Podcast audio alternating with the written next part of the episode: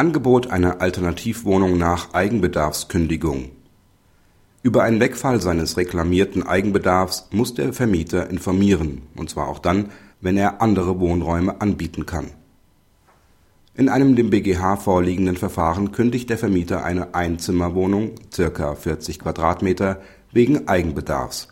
Vor Ablauf der Kündigungsfrist wird im Haus eine Zweizimmerwohnung mit ca. 60 Quadratmetern frei, die er anderweitig vermietet der BGH weist die später erhobene Räumungsklage ab. Der Vermieter muss dem Mieter eine andere im Haus frei werdende vergleichbare Wohnung anbieten und ihn über die wesentlichen Bedingungen der Anmietung informieren. Verletzt er diese aus der vertraglichen Treuepflicht erwachsene Anbietpflicht, kann er keine Räumung verlangen.